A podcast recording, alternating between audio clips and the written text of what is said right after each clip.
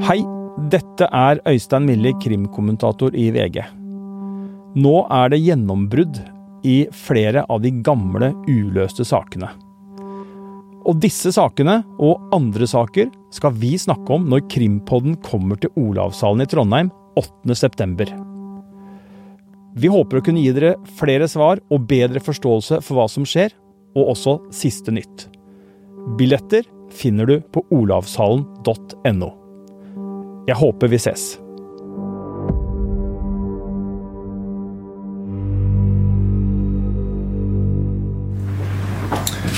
Onsdag denne uken pågrep eh, politiet en mann siktet for eh, drapet på Birgitte Tengs. Mannen er i 50-årene og bosatt på Haugalandet. Hva skal jeg si, ja? Altså, dette er jo nesten sånn at man ikke tror det, fordi det er så mange eh, ingredienser her av overraskelse, tragedie, glede selvfølgelig for de som nå får svar, da, eh, familien og sånn, hvis de gjør det. Så det er en ekstrem Det er kanskje en av de mest spesielle dagene på jobb, eh, faktisk.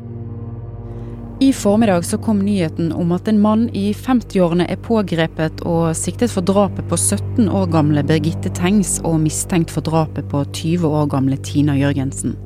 Mitt navn er Vilde Våren, og jeg er produsent i Krimpodden. Men i dag så sitter jeg foran mikrofonen her i studio på VG-huset i Oslo.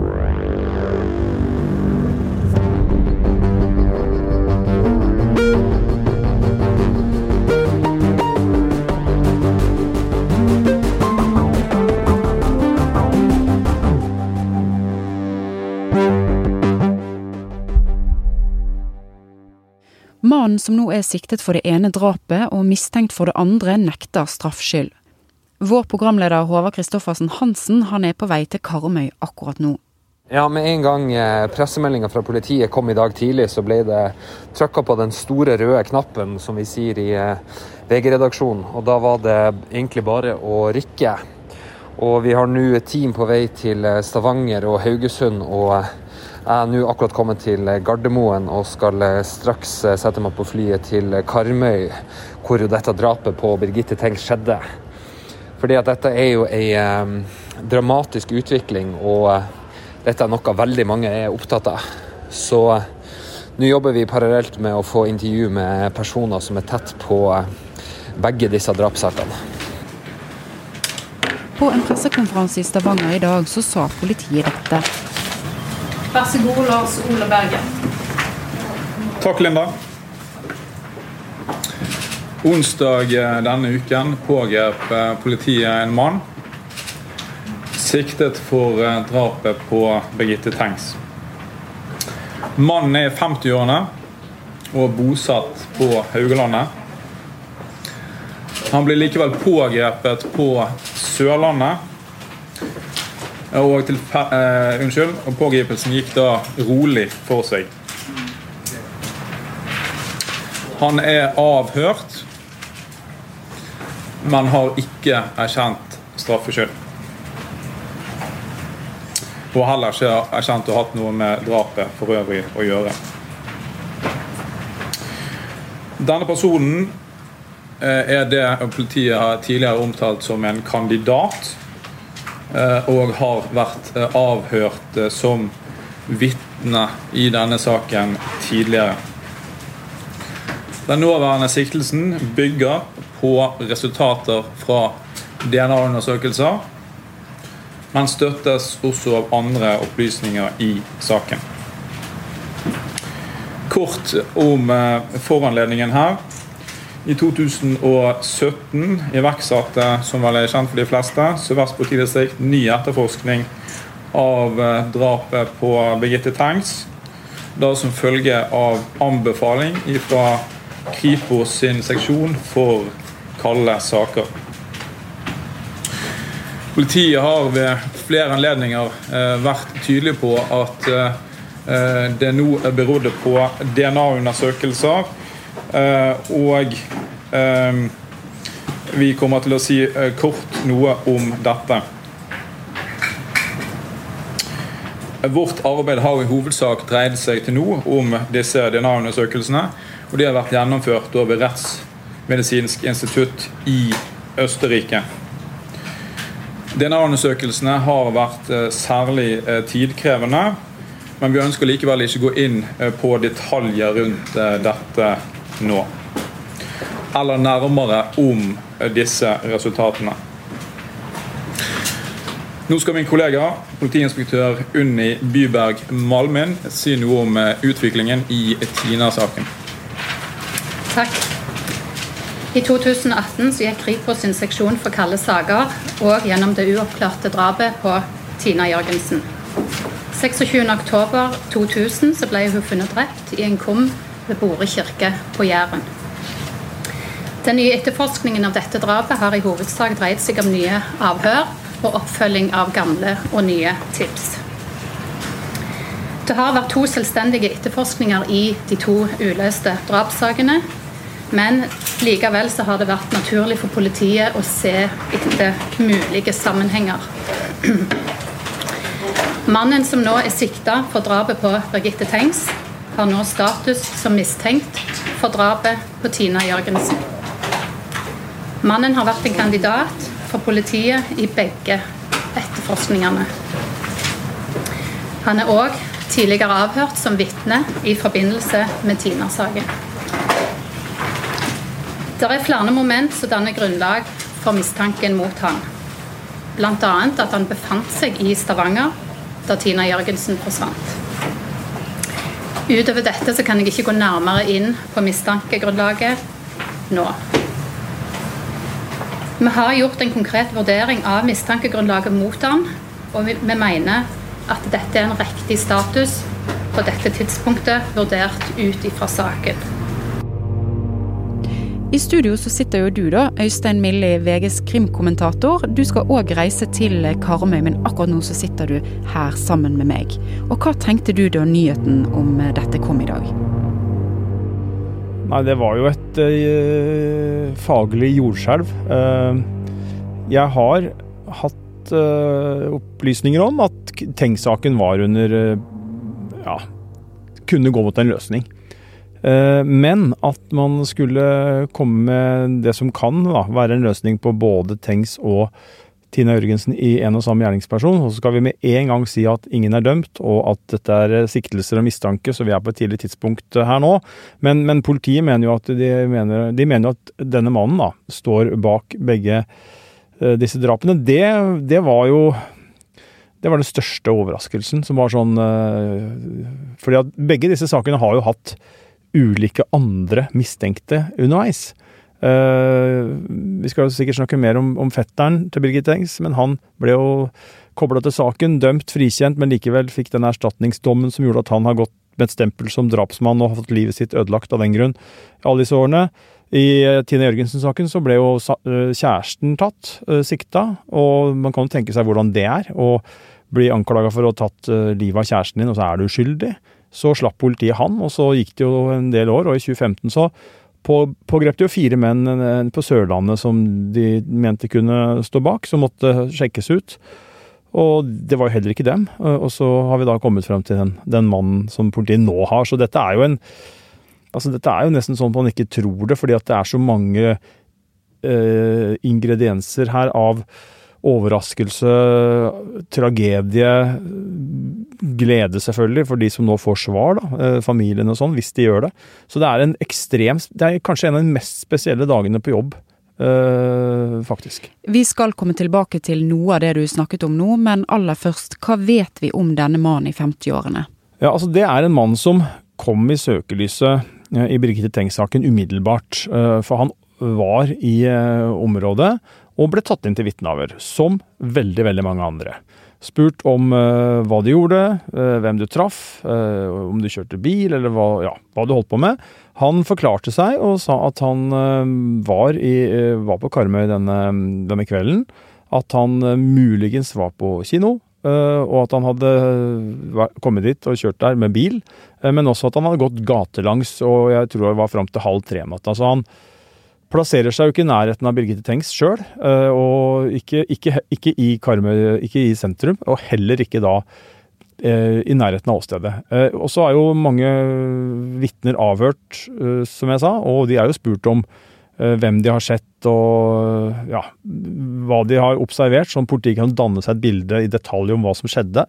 Prøve å rekonstruere. Og ingen har vel, så vidt jeg vet, sagt at de har sett han der. Så, så derfor så ble han så, altså han, han, var en Man hadde noen opplysninger om han, og etter hvert kom det jo mer som gjorde at man så ham som en moduskandidat, men så klarte man ikke å koble ham til verken åstedet eller til Birgitte Tengs eller til noe som ligna på en situasjon som hun var i nærheten av. Så derfor så ble han egentlig litt sånn stående som et sånt uh, uavklart uh, punkt på den lista. Og så snakker vi jo veldig ofte om uh, moduskandidat, du nevner det ofte. Kanskje du bare ta en rask gjennomgang om Forklar hva det er for noe? Veldig bra, for det er et sånt fagspråk. Nei, altså det er en som har gjort ting som kan sammenlignes med det som man etterforsker, ikke sant. Hvis jeg har stjålet masse sjokolader eh, og er kjent for å eh, være, stadig gjøre det, så vil jeg være en moduskandidat, eh, og jeg har, kanskje jeg gjør det på en spesiell måte. Og så hvis det er borte en brusflaske eller tre, da, og, jeg, og, det virker, og, det er gjort på samme måte, så vil jeg være en opplagt moduskandidat. Altså han er en fyr som gjør sånne ting, kan gjøre sånne ting, har gjort ting som ligner, og dermed så er han aktuell. Og det Denne mannen som vi snakker om nå, har jo et Eh, ganske langt rulleblad. og Det går tilbake til 90-tallet. Eh, og han har jo blitt dømt også etter eh, begge disse drapene. Han ble jo dømt i 2000, ja, begynnelsen av 2000-tallet, så ble han dømt for å ha brutt seg inn hos noen kvinner. Og da stjal han vel sko og klesplagg. Og forklarte da retten at han, når han var ensom, som han var en del perioder, så fant han tilfredsstillelse eller opphisselse i å, å stjele disse gjenstandene fra kvinner. Sånn at han har jo ikke svekka sitt moduskandidat uh, kandidatur etter drapene heller. Uh, så når politiet nå i 2019 fikk denne DNA-rapporten, og så vidt vi skjønner, så Det er ikke mulig å tolke Lars Ove Berge, politiadvokaten på saken, på en annen måte enn at den rapporten kom, så pekte den rapporten som politiserer i retning av den mannen. Og når man da ser at han i tillegg har gjort ting etter at han på en måte gikk av radaren i disse to sakene, for han er også avhørt i, i, i, i, Tina Jørgensen-saken, faktisk. Uh, men som sagt, også der da, så var det ikke noe grunn til å på en måte gå videre med det. Men når man da får uh, en DNA-rapport som, som, peker i retning av at han av han, og man ser at han har vært aktiv med disse hendelsene som jo er har noen likhetstrekk, i hvert fall, da, som politiet ser det, så blir jo han enda mer interessant, og så har man etterforska han siden 2019. Ja, for det er jo mitt neste spørsmål eh, til deg. Sant? Her får de jo da DNA-resultater i 2019, og hvordan har de da jobbet opp mot han, eh, tror du? Ja, det er bra du sier 'tror du', Vilde, for, det, for det vi veit ikke så mye om det. Men, men, jeg har jo noen tanker om hva, de, hva jeg tenker at kan ha skjedd, og hvilke muligheter politiet har. Uh, og hvis man, uh, hvis man Eh, får en, en DNA, et DNA-bevis som om det er 100% eller om det ikke er det, det er ikke så viktig, men det kan godt hende at politiet da uansett venter med å pågripe, og at man ønsker å sikre flere bevis. Eh, enten fordi at man trenger det, eller fordi at man ønsker å bli enda sikrere. Og da er det jo ting som ikke vi vet her, men som nå er det bare teoretisk sett hva man kan ha gjort. Man kan ha gått til retten og sagt at her har vi skjellig grunn til mistanke, som det heter. Det er et annet vanskelig begrep som vi skal ile til og forklare med en gang. Det betyr at det er mer sannsynlig at du har gjort det du blir anklagd for, enn motsatt. Uh, og hvis retten kommer til at det er det, så, og strafferamma på det du blir anklaga for er høy nok, så kan du bl.a. avlytte telefonen din. Det kan man ha gjort. Drap er selvfølgelig høyt nok i straffeskalaen. Uh, man kan ha Eh, man kan ha, selvfølgelig ha drevet vanlig spaning. Man kan ha brukt en såkalt infiltratør, eller en undercover agent, som har forsøkt å eh, ja, under falsk dekke, en politimann, en kvinne, som går og blir venn med vedkommende og forsøker å hente informasjon. Man kan ha spor av bilen, man kan ha hatt romavlytting. Eh, alle disse tingene kan man ha gjort. Og så har man helt sikkert dette er jo litt sånn skjulte, utradisjonelle metoder, men man har helt sikkert også avhørt folk i hans omgangskrets. I den grad man kan ha gjort det uten å røpe at man er på sporet av ham. For det har nok vært kanskje viktig, da. At man ringer gjerne ikke en mor eller far eller søster eller bror til en som er under etterforskning, og sier at vi vil avhøre deg og snakke om Vilde. Eh, og så skjønner jo de at da går jo kanskje de og forteller Vilde at, eller deg at, at du er under etterforskning. Så det er alle de hensynene der, da, sånn taktiske hensyn som politiet helt sikkert har tatt. Mm. Og så har det jo tatt eh, lang tid. ikke sant? De fikk rapporten i 2019, eh, nå sitter vi i 2021. Eh, hvorfor har det tatt så lang tid, tror du? Nei, blant annet fordi at um, det, de der metodene jeg nevnte nå, hvis man har brukt dem, de, de tar tid. Altså det, hvis, man, hvis man har brukt uh, en, en, såkalt undercover-agent, så skal man jo først finne en naturlig anledning til at en person kommer inn på den, det objektet man vil ha uh, kontakt med og få til å komme med informasjon. Og det kan jo, det er, Først må man finne en eller annen gyllen anledning som gjør at det virker naturlig. Og så skal man få fortrolighet, og så skal eventuelt den som man ønsker å få at skal si hva, hva han har gjort, eller hva man sitter på informasjon, begynner å snakke.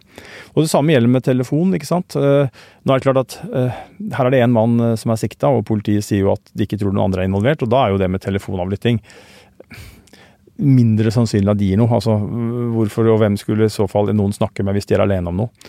Ehm, men, men, sånne ting tar tid, og så kan det hende at det ikke er noe av dette som har skjedd, men at man har behov for å gå til eksperter på DNA og få second opinions. Eh, for å på en måte forstå uh, dette DNA-beviset og være sikker på at man, ja, for, at man forstår det riktig. For det er jo ikke sånn at uh, et sånt DNA-bevis, en rapport, det er ikke sånn at en hvilken som helst journalist eller politikvinne forstår det, tror jeg. Det må man kanskje tolke og ha ekspertise som gjør, og det kan godt hende man har brukt det. Da vet vi jo det at de sendte DNA-prøvene til Østerrike i 2017, var det vel?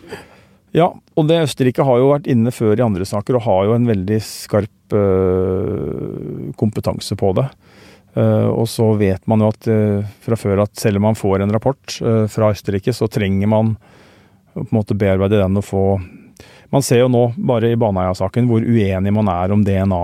ikke sant? Det kommer en, en, ekspert og sier det, og så kommer det en annen ekspert og sier noe annet.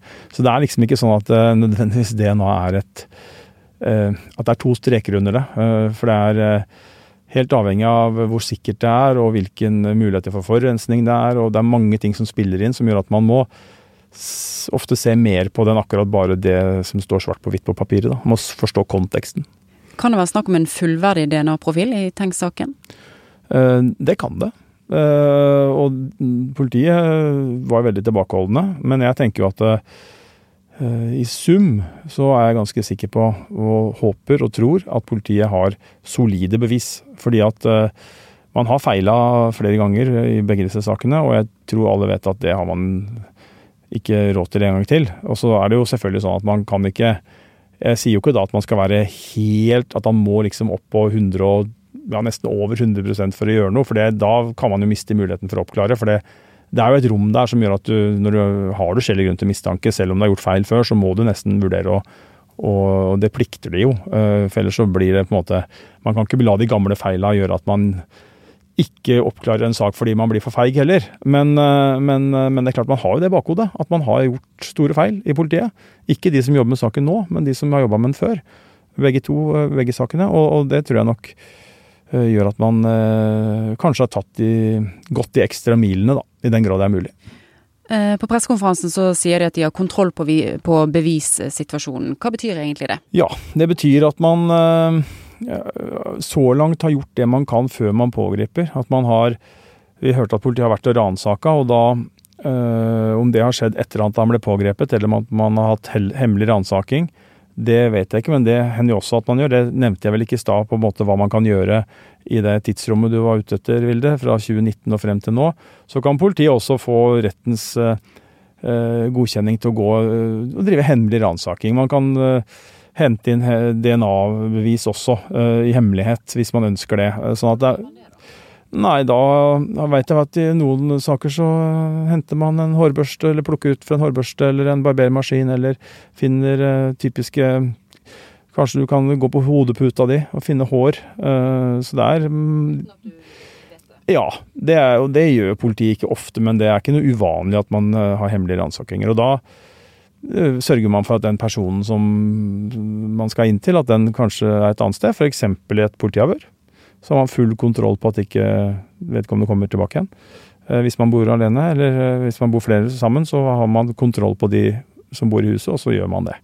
Og da merker man ikke det. Da, man skal ikke merke det. Da går politiet inn, og så gjennomsøker de huset. og den kaffekoppen som du har der, da, hvis jeg hadde vært her inne, den skal stå akkurat sånn når du kommer tilbake igjen. Og så sier jo politiet videre at de har gjort beslag, men de sier ingenting om uh, hva de har. Um, hva tenker du om det? Nei, altså det må nok bare sies at det at man har gjort beslag, det er ikke synonymt med at man har funnet noe som er interessant. For man bruker håven uh, og tar med seg, og det er klart uh, Standardprosedyr er jo å ta mobilen, ta PC-en, ta notatblokker. Eh, altså nå er det så lenge siden at det å ta klær og gjenstander og på en måte tenke at man skal finne noe blodspor og sånn etter et eh, drap f.eks., som man kunne ha tenkt hvis man var på fers, såkalte ferske spor. Jeg vet ikke om han gjør det, men, man, man, men, man, det kan godt han gjør det. fordi at han tenker jo som så at det er bedre å ta for mange beslag og heller gå gjennom og se at det ikke er noe, enn å, å bomme da, og gå glipp av bevis.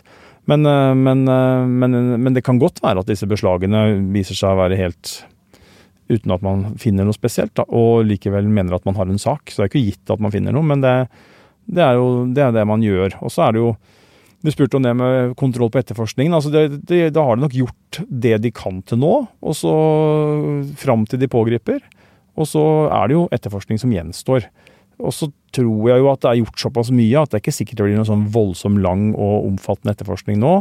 De ønsker jo å avhøre han, og de har avhørt den nå på onsdag og i går og skal eh, vil avhøre han etter hvert, uten at det var noen ny plan for det. Men, men eh, det er ganske stor forskjell på denne etterforskningen og, den, og, og veien videre her, eh, eh, enn det er i et, en, hvis det finnes et eh, Hvis noen finner et, en, en, død person som er drept i kveld, da begynner man jo på et helt annet sted. Her har man først hatt den første fasen da etter drapene, hvor det ble gjort enormt mye etterforskning, henta inn mye materiale. Viktig å si. Politiet har fått mye kritikk selvfølgelig fordi det er bomma noen ganger her, men det er jo henta inn DNA-materiale og andre bevis, uh, vitneobservasjoner osv., som er til verdi, er, har verdi i dag. Og så har politiet jobba med den særlig Tenk-saken da helt siden 2016. Så det er klart at når man da pågriper nå, så har man gjort mye jobb, men det, det gjenstår jo da en del ting som man ikke kan gjøre før man har på en måte blåst at man ser på denne personen og har arrestert denne personen. Vi skal snart uh, snakke mer om Tina Jørgensen-saken, men vi må jo innom fetteren. Um, I Birgitte Tengs-saken som ble siktet, dømt og frikjent, men idømt uh, til å betale erstatning. Hva skjer med han nå? Ja, um, jeg snakka faktisk med faren hans senest i går. Ingen av oss visste da hva dagen skulle bringe. Eh, de hadde jo et møte med politiet før sommeren hvor de fikk beskjed om at det kunne komme ny informasjon innen 1.10, om ikke det skjedde før. Så jeg ringte faktisk helt tilfeldig eh, og snakka med faren til fetteren i går og hørte om det var noe nytt. Og mm, han lurte på hva jeg tenkte og tolka, og jeg sa faktisk det at jeg tror, tror, jeg tror det er eh, at det politiet sier, at når de sier de er optimister, at det er ikke bare tomme ord. Jeg tror det er på sporet av noe, og at det kan komme noe. Og så, og så skjedde jo det. Han, og da var faren til fetteren eh, faktisk i utlandet sammen med sønnen sin, for han Fetteren har bodd i utlandet mer eller mindre etter eh, dette skjedde, etter han ble løslatt eh, og frikjent. Han har gått glipp av jobber. Eh, han har fått livet sitt påvirka, eh, og noen vil kanskje si ødelagt, av denne saken. Av at han har blitt urimelig og urettferdig og feilaktig eh, sikta, eh, tiltalt og også dømt. Eh, husk det, at retten, herresretten, byretten, dømte han jo. Mens lagmannsretten, eller juryen, frifant, men han ble likevel dømt, som du sa, Vilde, til å betale erstatning. Så man mente jo at han var skyldig, men at man ikke hadde nok bevis til å dømme han til straff. For det er en forskjell på beviskravet. Det er derfor denne rare situasjonen oppstår. At du kan bli dømt til erstatning og betale erstatning fordi du er ansvarlig for noens død, men det var ikke gode nok bevis for å kunne dømme deg til fengsel. Eh, litt vanskelig å forstå, men, eh, men sånn er det jussen. Eh, enn så lenge, i hvert fall. Um, så det er klart at jeg har vært og besøkt faren til fetteren noen ganger nå ute på Karmøy. Og ja, det er jo ikke så lenge siden du var der. Nei da, jeg var der faktisk nå for under en måned siden. Og han også er jo veldig prega av dette her. Og familien er prega av det, lokalsamfunnet er prega av det. Eh, det er splittelse. Og eh, foreldrene til fetteren har stått ved sin sønns side. Eh, foreldrene til Birgitte Tengs har trodd på politiet.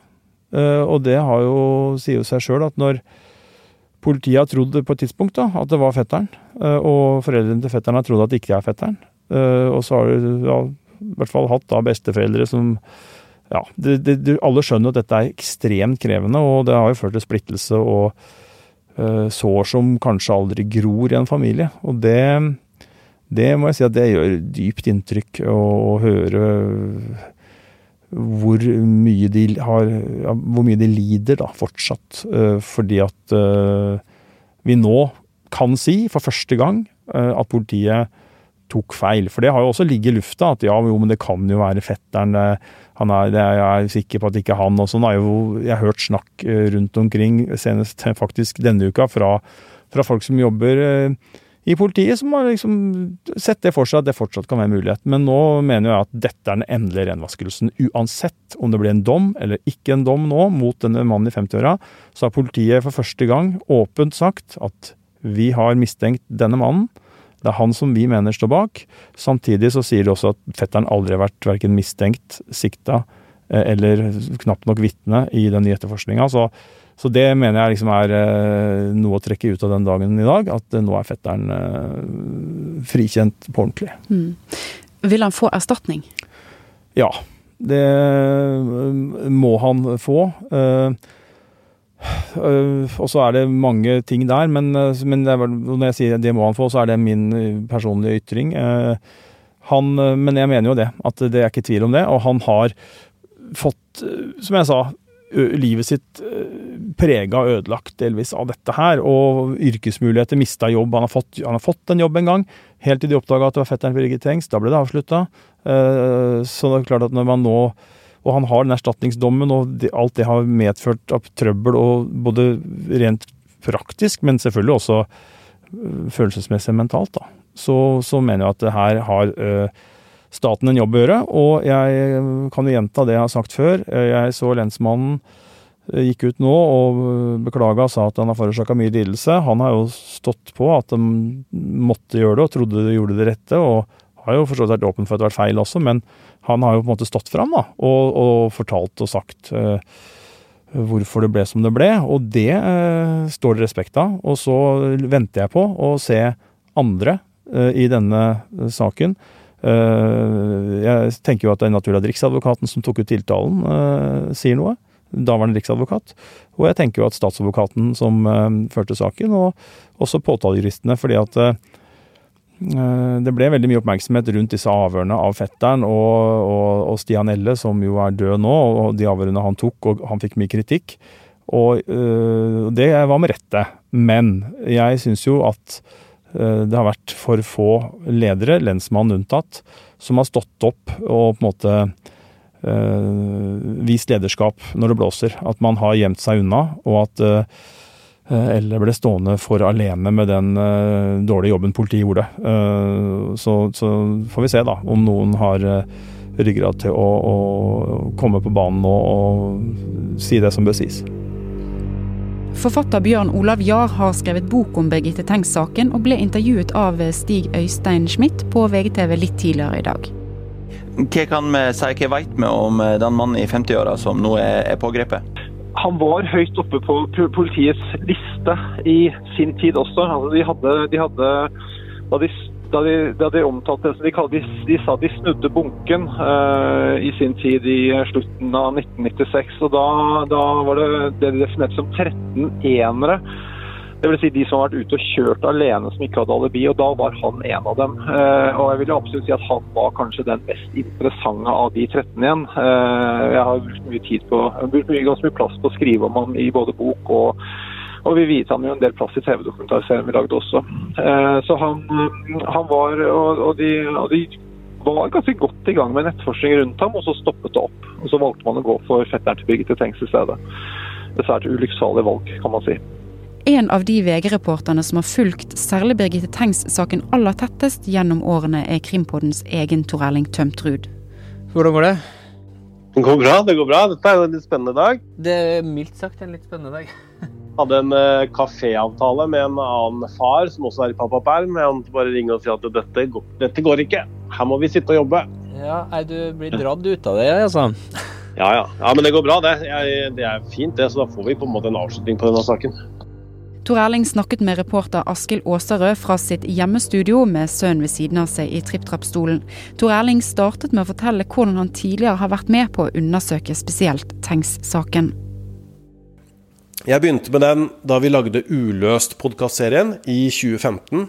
Vi tenkte hva slags sak er det vi kan ta opp som, som kan på en måte engasjere et publikum. Eh, og da falt vi ned på Birgitte Tengs-saken. Og vi jobba ganske mye med det for å få folk til å prate om det, for det var så vanskelig. Eh, denne saken har splitta et lokalsamfunn. Den har eh, vært pre... Altså, preger folka som bor på Karmøy. Eh, de ville ikke snakke om det så mye, men etter hvert, når vi på en måte kom inn, fikk litt tillit, så åpna folk seg. Vi snakka med venninner av Birgitte som fortalte fint om hvordan hun var, hva hun likte å gjøre, hvordan hun spilte piano. Hun, hun ville bli organist og spilte, øvde på orgel i kirken, eh, sånne ting. Vi fikk også lov til å komme hjem til eh, pappaen til Birgitte og, og, gjøre det første intervjuet han har gjort på lenge. Eh, og han, jeg husker at det var spesielt. Han er en stillferdig fyr. Eh, han syntes det var vanskelig å prate om dette her. Men det ble et veldig sånn fint møte, og det lange intervjuet ble veldig bra. Eh, og etter det så vet vi jo at det har kommet bok, det har kommet TV-serie. Eh, politiet har hatt stort fokus på dette her. I hvert fall etter at Cold Case-gruppa sa at her var det ting å etterforske. Det er klart at all denne oppmerksomheten og politiets iherdige innsats, for det tror jeg det har vært, det jeg tror de har jobba knallhardt for å finne ut dette her, eh, har ført til denne dagen hvor de da har sikta en person for Birgitte Tengs-drapet. Og Ja, der hører vi sønnen min. Men eh, eh, de mistenker også at denne personen kan stå bak Tina Jørgensen-drapet. Men det at det er en kobling, da, som, som, det kan virke nå, i hvert fall som, som det er mellom de her to sakene, er det noe som har vært diskutert tidligere? Ja, det har vært diskutert tidligere. Allerede i 2015 og 2016 så fikk vi eh, tips om at eh, dere bør se på begge de to sakene, for det kan ha en sammenheng.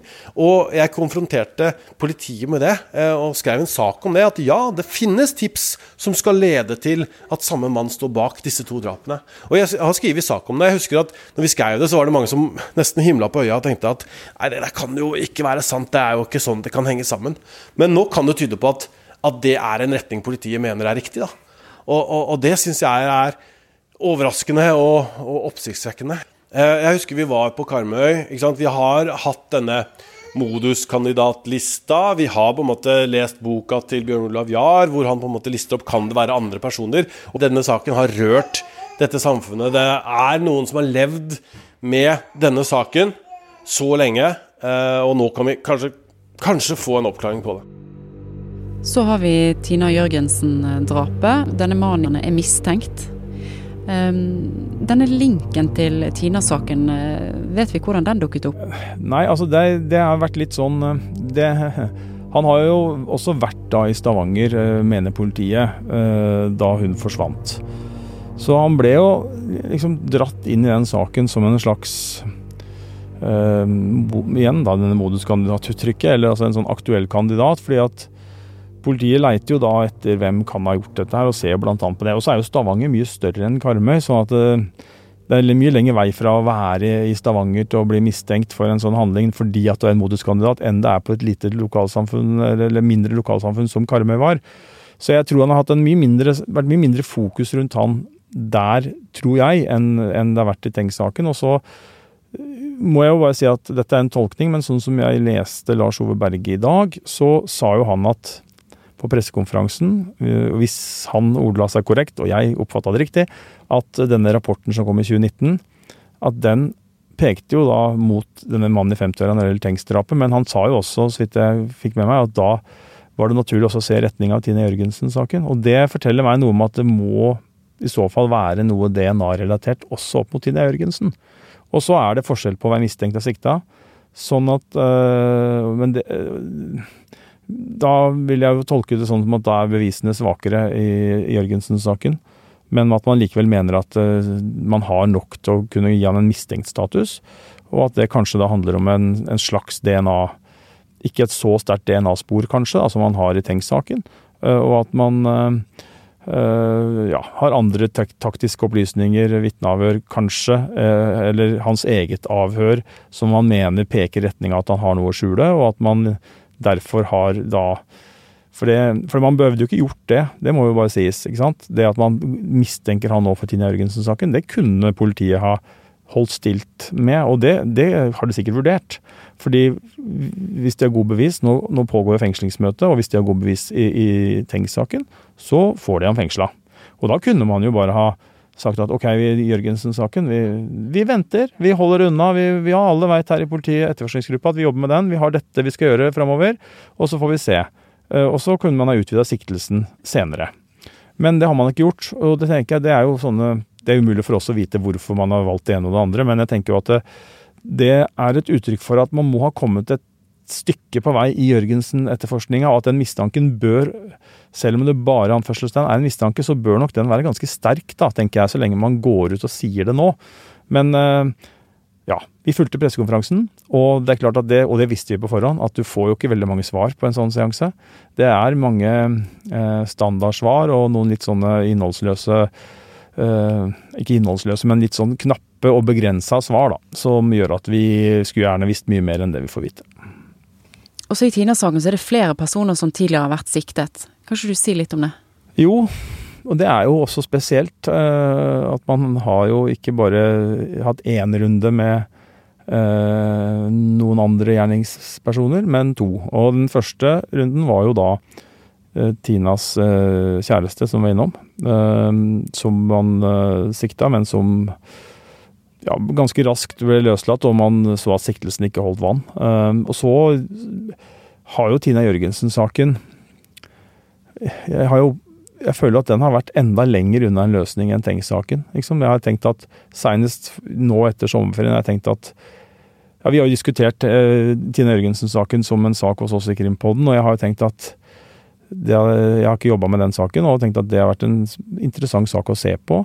Men, og tenkt at men den, den, den ser det lang, vanskelig ut å løse. Vi hadde jo faktisk allerede begynt å se på den. Ja, mm. vi hadde det. Så det var vi, da var vi jo enten litt for sein eller litt uh, for tidlig fram på alt ettersom. Men, men, uh, men ja. Uh, så, så, det tenker jeg liksom er veldig Og så var det jo og så var det disse fire mennene som jo Da trodde man også man hadde oppklart saken, og da var det jo en falsk tilståelse eller en falsk informasjon om at noen skulle ha gjort noe osv. Og, og, og som politiet uh, ja, altså det er, det, er, det, er, jo sånn at politiet, selv om de pågriper og sikter noen, og det er jo ikke bra når noen blir pågrepet og sikta for noe de ikke har gjort, men samtidig så må man også ta inn over seg at politiet kan komme i situasjoner hvor det Altså Man må nesten gjøre Man føler at man må gjøre det, da. fordi at man, Hvis man ikke gjør det, så kan man gå glipp av en oppklaring. Fordi at man trenger å pågripe, avhøre, ransake gjøre de tinga, de tvangsinngrepene som man kan. Og hvis man bare skal vente til man har 100% bevis i alle saker, så kan det godt hende at man mister noen oppklaringer. Så dette er jo en sånn, sånn balansegang da, mellom å måtte ta noen, ikke sjanser, men ha et spillerom som gjør at du kan øh, pågripe og sikte noen uten at du liksom er helt oppe i øverste eh, delen av, skalaen på, på bevisene. Så, så, men da, og da, når det skjedde, så husker jeg at vi, vi ut fra det vi hørte, så trodde vi at nå kan denne saken også komme til å bli løst. Eh, sånn som den ble framstilt i starten. Men så skjønte vi ganske fort at dette her skurrer. Eh, og så gjorde det jo det. Det ble jo lagt bort. Og da, da tenkte jeg mitt da om Tina Jørgensen-saken at den blir tung å oppklare. Og så har vi fått en utvikling i dag. Og hva tror du politiet gjør videre nå i Tina Jørgensen-saken? For det hørtes ut som at nå har man på en eller annen måte slått sammen disse to etterforskningene på et vis? Ja, nå har man jo, som vi var inne på, gjort veldig mye i begge to allerede. For de har jo vært etterforska først når de skjedde, og så har det vært etterforska i flere runder. Tatt opp igjen og sett på det. Og Cold Case har vært inne i begge to. Men, eh, men det er klart at nå samordner man disse to. Og så øh, og så eh, er det avhør av altså ting man ting som man enten må gjøre nå fordi at man som ikke man kunne gjøre før man var pågrepet, da, som man har venta med, eller som dukker opp som nye behov. Uh, kommer til å bli fokus framover nå. Og så er det analyse av disse beslagene, og det er ja, prøve å sluttføre en del ting. Så det er, gjenstår jo en del, men jeg tror det er likevel, som jeg sa, var, er, det er ganske begrensa tross alt, da. Men for all del er det en del jobb som gjenstår, ja det er det. Når man flyr inn til Haugesund lufthavn, så ser man den lille byen eh, Koppevik som ligger på den eh, idylliske øya Karmøy, som ligger ved havgapet på Sør-Vestlandet. Og det er jo eh, spesielt å tenke på hvordan denne saken har splitta både familier og et helt lokalsamfunn her. Nå skal jeg kjøre inn til Koppevik, altså stedet hvor Birgitte Tengs sist ble sett i live. Og I torsdagens episode av Krimpodden så skal vi gå nærmere inn i denne saken og drapet på Tina Jørgensen. Vi høres da. Helt til slutt, Øystein. Hva kan man på en måte lære av disse sakene, sånn som det er blitt nå? Um, nei, altså nå har det Politiet har jo på på si, lært mye og lagt om avhørsmetoder, og denne saken har vært case på utallige kurs og overalt. Så da tenker jeg på avhøret av fetteren. Så mm, Og så er det sikkert læring i eh, pågripelsen i Tina Jørgensen-saken også. Uh, men, men, men se bort fra det, da, så tenker jeg at lærdommen er jo at det For det første så er det jo bra at vi har fått en cold case-gruppe som uh, jeg tror har vært veldig viktig for å se på gamle saker med um, høy kompetanse har de, har de. De har kapasitet, og de har friskt blikk. Og så um, er det jo det å ikke gi opp. Eh, det å, måtte, å bruke penger, ressurser Det har vært brukt mye ressurser på Tenk-saken. Mange, mange, mange mange millioner kroner. Og det at man er villig til å gjøre det Man visste jo ikke om man kom til å lykkes, men det tenker jeg også er viktig. Fordi at eh, nå, nå er det jo veldig mange som uh, har fått de Kanskje, da. Eller kommer til å kanskje få de svarene som de så gjerne skulle hatt.